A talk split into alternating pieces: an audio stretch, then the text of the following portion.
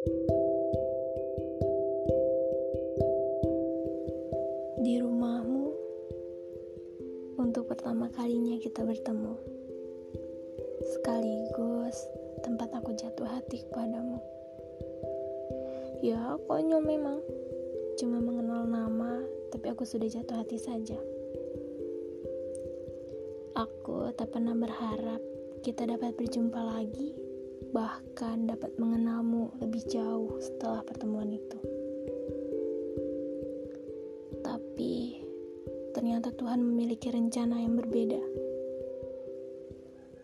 Pagi itu, di bulan Juli, tepatnya di hari ke-24, pukul 9 lewat 8 WIB, aku menerima pesan WhatsApp dari nomor yang tidak dikenal.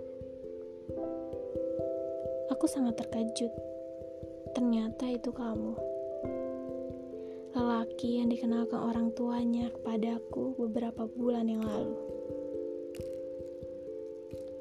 Tutur katamu mampu menenggelamkanku dalam lautan cinta yang kubuat sendiri. Harapan demi harapan terus tumbuh dalam hati dan pikiran. Hingga rasa ingin memiliki kian tumbuh membesar dalam hayalan. Namun sayang, kamu tidak menjadikanku sebuah tujuan. Ternyata Tuhan menghadirkanmu untuk membantuku agar dapat belajar banyak dari kisah masa lalumu. Tentang bagaimana cara kamu bangkit dari patah hati terhebatmu, tentang cara kamu berdamai dengan dirimu sendiri,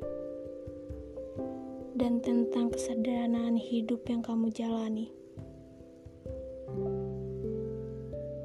Kita memang singkat, tetapi sangat panjang bila menjadi sebuah cerita. Cerita yang harus berakhir tanpa sempat kita mulai.